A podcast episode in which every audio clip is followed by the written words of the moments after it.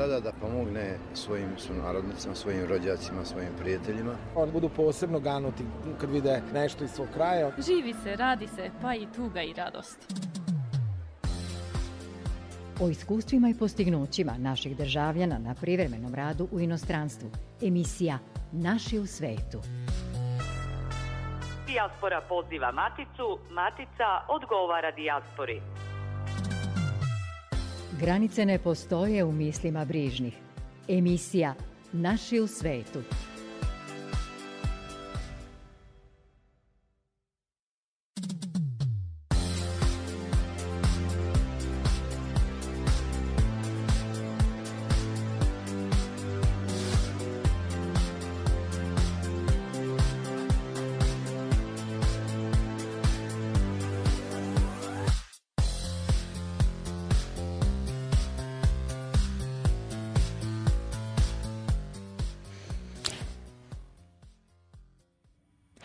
Dragi su narodnici u zemlji i svetu, dobroveče. Dobrodošli u emisiju u kojoj vas, pored ostalog, upoznajemo sa životima i postignućima pojedinaca koji su, otišavši iz Srbije u svet, u mislima i srcu i dalje u svojoj domovini. Mnogi od njih su značajno doprineli da naša zemlja bude više cenjena, te predstavljaju nezvanične ambasadore Srbije. Među njima su i naši sagovornica, doktorka iz Graca, profesor likovnih umetnosti iz Melburna, kao i predstavnici Kulturnog i medijskog centra Srpski venac u Budimpešti. Ja sam Milijana Kočić i pozivam vas da u narednih pola sata ostanete uz Radio Novi Sad.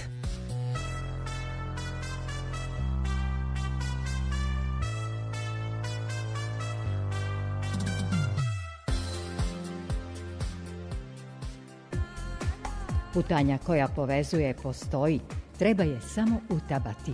Emisija Naši u svetu. Naša prva priča je iz Austrije. Primario se na odeljenju za anesteziju i intenzivnu medicinu u bolnici Grac 2 Natalija Cokić proglašena je za ličnost godine u austrijskoj pokrajini Štajerskoj, a tu laskavu titulu izborila je između 555 poznatih ličnosti koje su kandidovane u toj pokrajini. Doktorka Cokić je nakon studiranja u Novom Sadu i boravka u Beogradu u Austriju otišla 1992. u okviru programa Gost lekar i do danas ostala ostala verna bolnici u kojoj su ju ukazali poverenje. O uspehu naše doktorke Goran Pavlović. To da se nađete među najboljima u Štajerskoj ne dešava se tek tako, kaže doktorka Cokić koja se prisjeća samih početaka njene karijere u Austriji.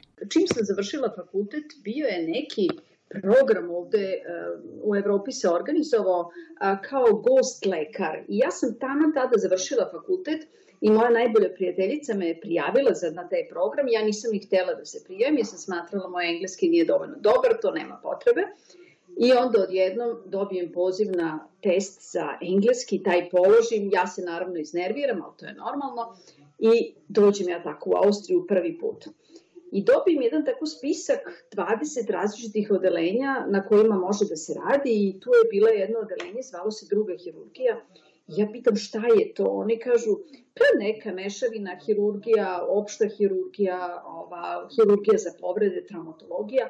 E, rekao, to je za mene. I vi mi nećete verovati, i dan danas sam praktično sa tim istim ljudima zajedno radim. Kada sam došla, ostala sam ovde prvo mesec dana, kao taj gost lekar a, i posle toga bilo mi je jako lepo. Bila sam lepo prihvaćena, kolege su bile stvarno korektne, pogotovo jedan koji je bio zadužen za mene i jednostavno je hteo da mi pomogne, jer ja nisam znala ni reč nemačkog, samo sam govorila sa njima engleski. Potom se vraća u Beograd, gde je završila neophodni staž kako bi mogla da napreduje u zdravstvu. Nakon toga ponovo odlazi u Austriju, gde su joj kolege koje su je već poznavale ponudile radno mesto sestre na intenzivnom odeljenju, gde bi mogla da zaradi i ostane u toj zemlji. Znala je, kaže, da će joj se trud isplatiti. Ja sam uvek radila puno, to moram da vam priznam, jer prvo sam radila kao sestra na intenzivnom odelenju i pošto a, onda sam naravno nostrifikovala našu medicinsku diplomu i došla sam onda do momenta kada imaš nostrifikovanu diplomu, ali ne možeš da radiš kao lekar ili nemaš državljanstvo. I to je bio u stvari najveći problem. I nisam time bila zadovoljna i onda sam prihvatila još pola radnog mesta dodatno na radiologiji da radim na nekom takozvanom ultrafast CT-u srca. Sad zamislite, radite svaki dan jedan i po jedno i po, da kažem, dežurstvo. Stvarno je mnogo. Godinu dana je to trajalo i umeđu vremenu sam a, tražila da postanem, a, da kažem, da bi mogla da radim ikada ovde kao lekar, morala sam da primim njihovo, odnosno tražim a, austrijsko državljanstvo. I posle četiri godine sam to državljanstvo dobila.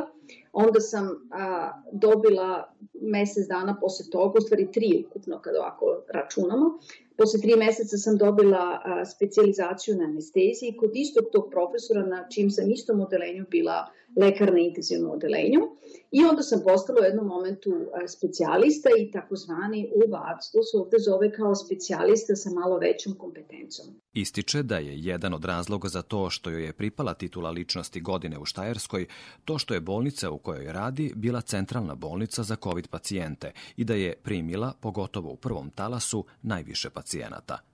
Na mesto primarijusa stupila je upravo na početku pandemije, a kako kaže, njena publika su jedino pacijenti. I nećete verovati ono što sam ja mislila, rekla sam ok, pokušat ću, čujte, ako ne pokušate ne možete nikad u životu ništa da dobijete. Ja sam završila u Novom Sadu fakultet, da praktično ništa nisu bolji ovi ovde nego što smo mi. Stvar je samo kako prihvatate sve to, koliko radite i koliko uložite u to sve svoje. To da se nađete, da budete top 1 u Štajerskoj, to se jednom lekaru ne dešava tek tako. To je sve u stvari ova situacija u kojoj se mi svi nalazimo i e, moja bolnica je ta koja je primila, prv, pogotovo onom prvom e, talasu koji je bio korone, primila je najviše, da kažem, mi smo bili centralna bolnica za COVID pacijente, naša hirurgija je izašla iz te bolnice, nego smo mi sve to radili, to je bilo nešto neverovatno. Broj jedan je obično neki ili političar ili neki sportista, jer ovde imate sportista dovoljno, da li je to sa Thomas Muster ili neki skijaš ili tako nešto, to ovde, da kažem, uobičajeno a, to je naj, ljudi koji su najpopularniji. I onda odjednom medicina pre, pre, pre svega anestezijolog, da vam kažem, anestezijolog nikad nije broj jedan bio. Obično čujete za neke hirurge ili nešto, ali ove sve bolesti koje nas okružuju su učinile da sada je, da kažem, ime e, intenzivna medicina, anestezija ima mnogo veće značenje, barem sada među, među narodom, među svetom i to je ono što mene raduje, jer zaista kada znate anestezijologa, kad vam kaže dobar dan, imate problem, sada ćete odspavati, kad se probudite dobro jutro i ovo sve ostalo nekako vi ni ne znate. I to je ono što je prosto žalosno nama bude. Svaki dan donosi nešto novo. Mora se učiti u hodu same epidemije, a danas se lakše nosimo sa samom situacijom, kaže dr. Kacokić. Kaže i da joj znači popularnost među pacijentima. Eko, jedino gde sam ja popularna su moji pacijenti. To je reko, ti koji treba da me znaju, ti će me znati. Sad me znaju i drugi, moram priznati, sad je ipak malo drugačije. A radujem se ako se čitava stvar stišava, ja kažem i onda jednog dana moja popularnost će biti manja i to je u stvari jako dobar znak. Jer to podrazumeva da smo svi malo zdraviji i da nam doktora manje treba i da razmišljamo gde ćemo da putujemo i šta ćemo druge stvari da radimo. Zemljakinja Natalija Cokić, omiljena doktorka u Štajerskoj bolnici Grac 2, kaže da je raduje to što i danas sarađuje sa ljudima koji su je podržavali u toj zdravstvenoj ustanovi u trenucima kada joj je pomoć bila najpotrebnija po dolasku u Austriju.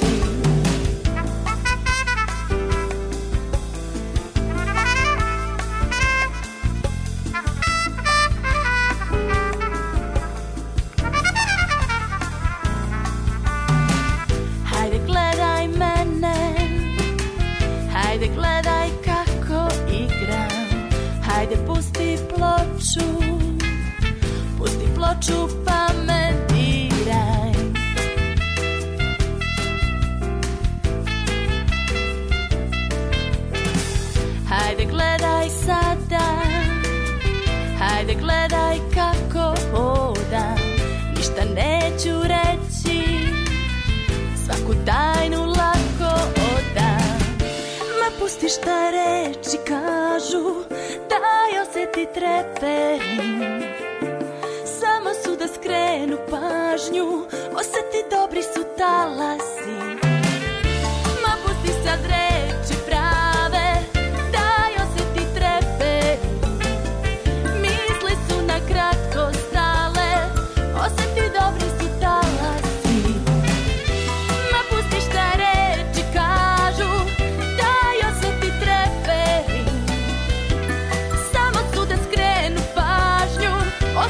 dobri su talasi. Ma pusti sad reči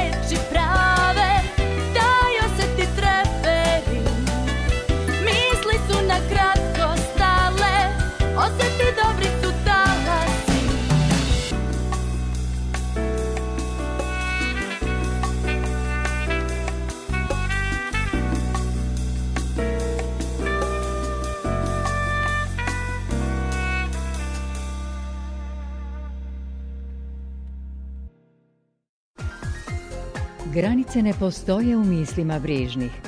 Emisija Naši u svetu. Kao i svakog petka, kolege iz Radio Beograda koje realizuju emisiju Večeras zajedno podelile su se nama zanimljivu priču iz dijaspore. Ovog puta o profesoru i vizualnom umetniku Goranu Dojčinoviću iz Aleksinca, koji već 25 godina živi u Australiji. U narednim minutima kolega Dejan Grujić sa profesorom razgovara o njegovom životnom putu, talentima, uspesima, ali i o planovima za povratak u Srbiju. Gorane, kako biste želeli da se predstavite našim slušaocima? Ko ste vi? Umetnik, fotograf, grafički dizajner, kreativna osoba koja vidi u svemu neku lepotu, kreativnost i pozitivnu energiju.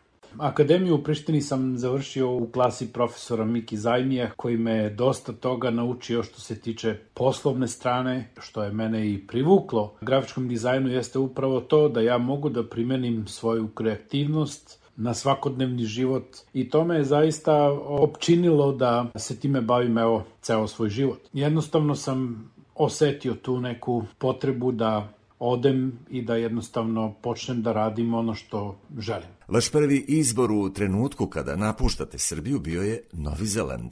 A, Novi Zeland je zaista divna zemlja, za mene vrlo velika nepoznanica u tom momentu. Međutim, ja kada sam dobio tada sa mojom tadašnjom suprugom Jelenom stalnu vizu, ja sam mislio da oni tada trebaju nekog mladog umetnika, dizajnera, koga u stvari čeka posao tamo, koji će pomoći nekoj kompaniji da napravi bolji vizualni svet za svoje proizvode i tako to. Međutim, otišavši tamo, ja sam doživeo u stvari neugodne situacije da kada su saznali da imam akcenat, da ne umem da pričam engleski, oni su postavljali taj zid između nas. A, ono što sam ja radio, ja sam uvek radio ono što najbolje umem, sa maksimalnom energijom i sa maksimalnom pažnjom, jer tako sam bio i učen. A, do duše, ja sam završio srednju umetničku školu u Nišu, Đorđe Krstić, koja je bila najbolja u ono vreme. Oni su mi dali podlogu kako da razmišljam, oni su mi dali sve ono što mi je trebalo da ja to kasnije razvijem i da napravim svoj stil u svom poslu. Odrastali ste u Aleksincu i tamo otkrili mnoge svoje talente i ljubavi koje će vas u životu i poslu pratiti. Da, ja sam rođen u Aleksincu. Odrastao sam na Lesinačkom rudniku u velikoj porodici dedom Jovanom i nanom Milicom, mog deda su zvali Jole Crnogorac, crnogorska familija koja je došla u Aleksinac i moj deda je bio rudar na Lesinačkom rudniku. Moj tata i mama su u tom periodu dok sam ja odrastao na Lesinačkom rudniku pravili kuću, radili vredno, tako da sam ja do svoje šeste godine odrastao na Lesinačkom rudniku koji je meni dao bazu za ceo moj život. Tu su živeli svi narodi i narodnosti tadašnje Jugoslavije. Znači, moj deda Jole je mene učio i jednostavno me je vaspitavao da budem dobar čovjek. Da bih mogao da razumem druge ljude, bez obzira ko su, šta su i odakle su. Često se vraćam u mislima na Alesinački rudnik, na te ljude, na detinstvo, proživljeno u siromaštvu, ali jednostavno smo bili bogati duhom. Te slike koje nosim sa sobom su uticale na moj dalji život profesionalni, jer biti vizualni čovek, biti dizajner, vuče sa sobom i fotografiju. Vuče sa sobom i one slike koje mi pamtimo, jer ljudi razmišljaju u slikama. Sve naše misli su pretočene u slike. I mi sa slikama ustajemo, mi sa slikama ležemo, mi sa slikama živimo. Fotografija je vaša strast i posao, mada se dokazano stvarujete i kao kreator u nekim sličnim medijima i izrazima. Kada sam trebao da dizajniram brošure, kada sam trebao da radim neke postere, meni je uvek smetala fotografija. Fotografija koja je bila dostavljena kao materijal sa kojim treba da se radi, onda, onda bih ja uradio fotografiju koju ja mislim, a zatim bi se ona sviđala poručiocu, na, naručiocu posla i onda sam tako jednostavno počeo da fotografišem ono što ja želim i ono što ja volim. Normalno, kroz školu sam prošao da eto i crtam ono kako mislim, ja mogu da kažem, ali mogu i da nacrtam. Fotografija je postala apsolutno deo mog života i deo mog posla. Ja sve više i više koristim mobilni telefon, da jednostavno zabeležim ono što se meni sviđa, da li je to priroda u pitanju, da li je to portret u pitanju, da li je neki događaj u pitanju, kamera je u džepu, slikam, kasnije to obradim na kompjuteru, što je fenomenalna stvar, zar ne? Potpuno ste u pravu, ali vaša ljubav nije samo fotografija, već i motori. Kako to? Pošto moji tata i mama nisu imali auto dosta dugo vremena, sve do mog drugog razreda osnovne škole, to je bio jedan stari Tomos trobrzinac, takozvani T12, koji je mene uvek privlačio, tako da u onim momentima kada su već moji tata i mama kasnije kupili auto i putovali kolima na posao, onda je motorcikl ostajao kod kuće i onda sam ja počeo da kraduckam tako pomalo od mog tate i promenio sam dosta motorcikla, uvek se družio sa ljudima koji takođe dele taj entuzijazam sa mnom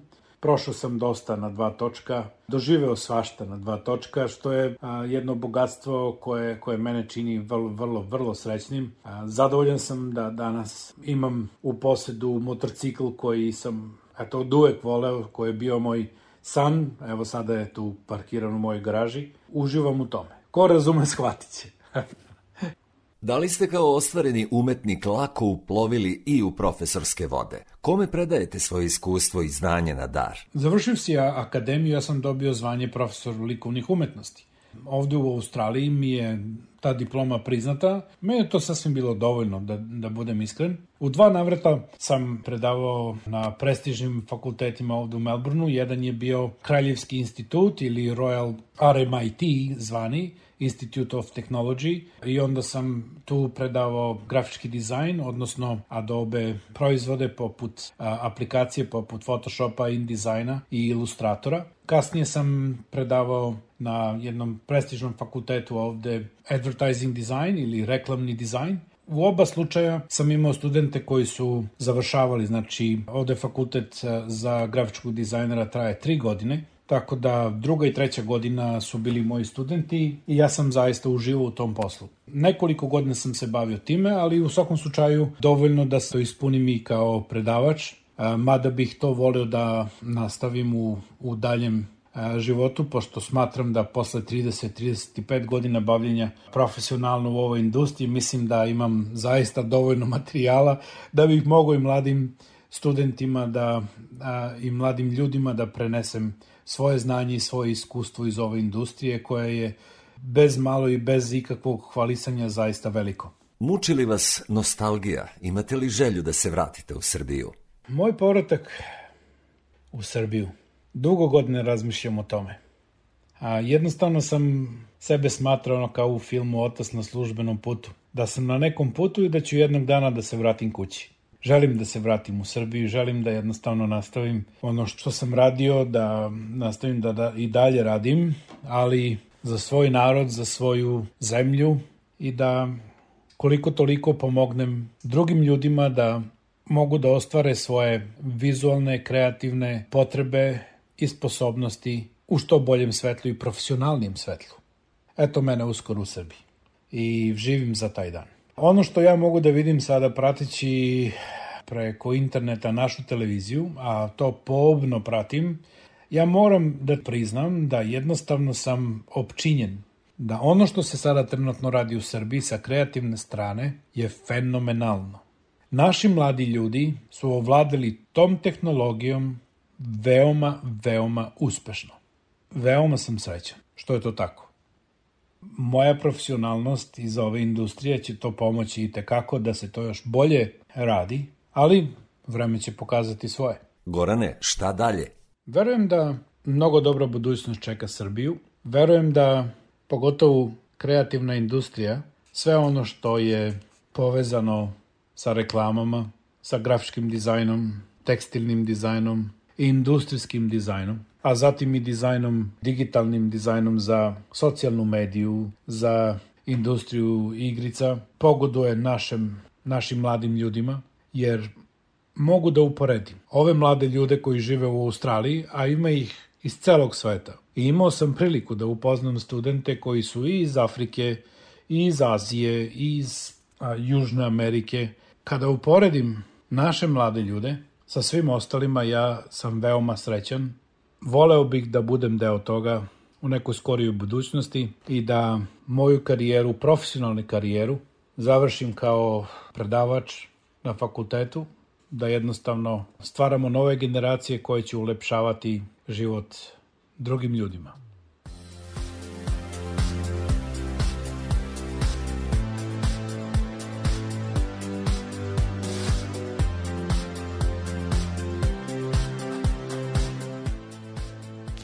Kulturni i medijski centar Srpski venac u Budimpešti nastoji da svojim radom ukaže na značaj očuvanja srpskog jezika i kulture, kao i da u svakoj prilici promoviše kulturne vrednosti koje povezuju Srbiju i Mađarsku. Tim povodom oni su nedavno posetili sajam zavičaja u Novom Sadu, gde su predstavili svoje aktivnosti i članove mladog tima. Iskoristili smo njihov dolazak da razgovaramo sa direktorkom Srpskog venca Zoricom Jurković-Ember.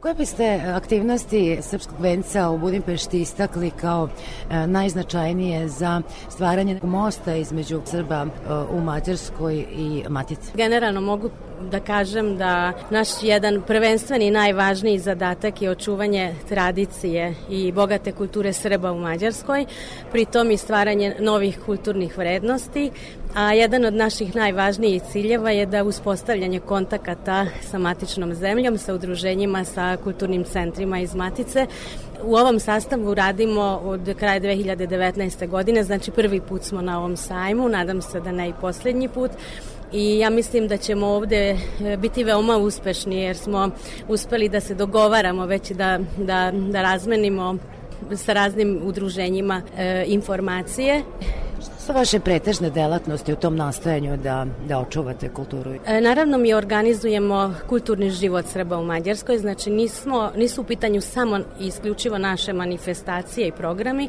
Naime, e, naša zajednica Srba u Mađarskoj je jedna relativno mala zajednica, mada po poslednjem popisu stanovništva ima nas između 10.000 i 11.000, ali onaj aktivni e, ovaj deo e, naše zajednice je malo manji zato kažem relativno mala, ali veoma aktivna zajednica. Razna udruženja, kudovi, e, mesne samouprave e, funkcionišu i rade. Mi se trudimo da povežemo njihov rad i naravno i organizujemo mi neke samostalne naše programe, manifestacije, kao što su, na primer, promocije knjiga, e, koncerti, e, recimo ono što je sad malo pre je videla e, publika na sajmu, jedan naš divan projekat prošlogodišnji godišnji. E, mi smo bili veoma ponosni na taj projekat i mislim da je sad i ova publika koja je videla e, bila zadovoljna. To je bio jedan audiovizualni spot o Srbima u Mađarskoj pod naslovom Duh predaka peva sa nama i mi smo se potrudili da u ovom spotu da prikažemo trenutno stanje Srba u Mađarskoj u 21. veku. Nama kao nacionalnoj manjini je veoma važno da uključimo i da privučemo i mlađu generaciju i recimo u ovom video spotu smo uspeli da pridobijemo naše mlade umetnike koji su pripadnici srpske zajednice, koji su Srbi iz Mađarske, ali se profesionalno bave muzikom, umetnošću i, on, i oni su veoma poznati i priznati umetnici i u većinskom društvu u Mađarskoj. E, Tekst pesme je napisao Mitar Mirko Krkeljić koji učestvuje u projektu kao pevač. Muziku je napisao naš mladi dramski umetnik Marko Ember koji se bavi i muzikum, e, muzikom i pevanjem. On isto učestvuje u ovom projektu kao pevač i jedna naša divna mlada dama koja Ja, ja za nju uvek kažem da je glas Srba iz Mađarske. Ona je etno pevačica, dobitnica jedne veoma priznate mađarske nagrade, Prima Junior. Ona isto peva u ovom projektu autorskoj ekipi pripada i jedan naš stani spolji saradnik Vladimir Marković koji potpisuje divne slike i montažu ovog e, filma.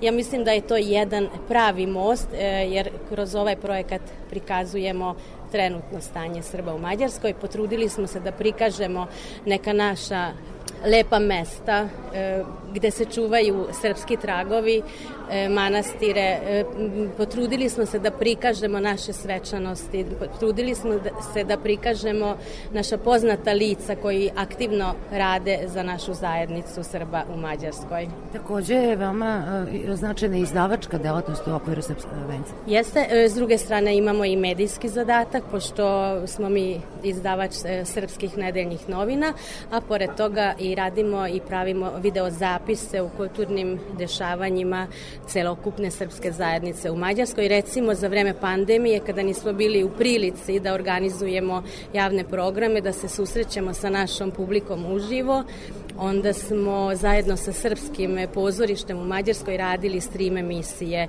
Potrudili smo se da predstavimo naše institucije, nudili smo našoj publici e, i književne večeri online, šta više imali smo i, i jednu online izložbu. Znači, probali smo nekako da se snalazimo. Mm -hmm. E, ko čini redakciju? Ekipa, ekipa Srpskog venca. Mi smo jedna četvoročlana ekipa. Moja koleginica Katarina Pavlović Bači je sekretar za kulturu. E, Mitar Mirko Krkaljić je referent e, za kulturu. Imamo jednog mladog kolegu tehničara Dušana Kotorčevića, a u redakciji Srpskih nedeljnih novina je glavni i odgovorni urednik dr. Dragan Jakovljević. On radi sa našom koleginicom Katarinom, ona radi za novine i sa spoljnim saradnicima koji povremeno pišu za naše novine. Pošto smo, kažemo, jedna relativno mlada ekipa, e, jer 2019. je došlo do reorganizacije u kulturnom, javnom kulturnom životu Srpske zajednice u Mađarskoj, mi od tada radimo, znači u odnosu na to smo jedna relativno mlada e, organiza, mislim, institucija i mi smo do sada, e, nas pomaže prvenstveno naša krovna institucija samuprava Srba u Mađarskoj i fond Betlen Gabor, e, tamo smo već više puta bili uspešni na konkursima, recimo i ovaj projekat o čemu sam malo pre pričala, e, je potpomagao fond Betlen Gabor, znači mađarska e, država. Sada ove godine ćemo prvi put da izađemo na, na konkurse u Srbiji, probat ćemo nekako da nađemo e, neke doda, do, neka dodatna sredstva. Hvala vam najviše. Hvala lepo. Vežu nas događaj, misli, kultura i tradicija. Emisija Naši u svetu.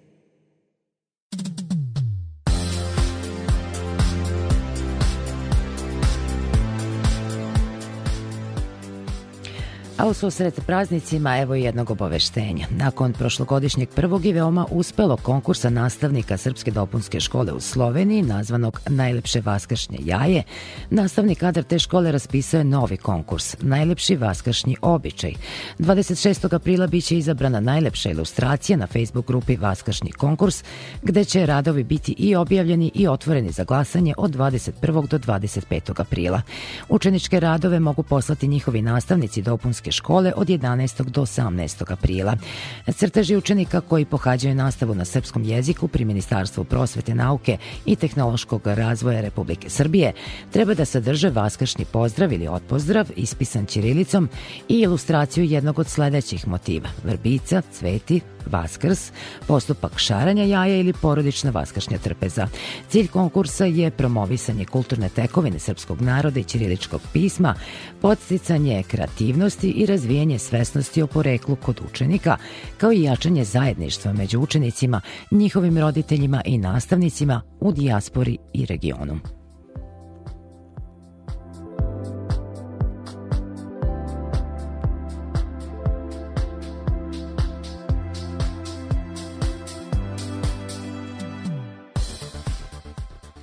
Poštovani slušalci, bilo je to sve što smo vam pripremili u ovom izdanju emisije Naši u svetu. Podsjećam, našu emisiju možete slušati i odloženo na internetu na adresi media.rtv.rs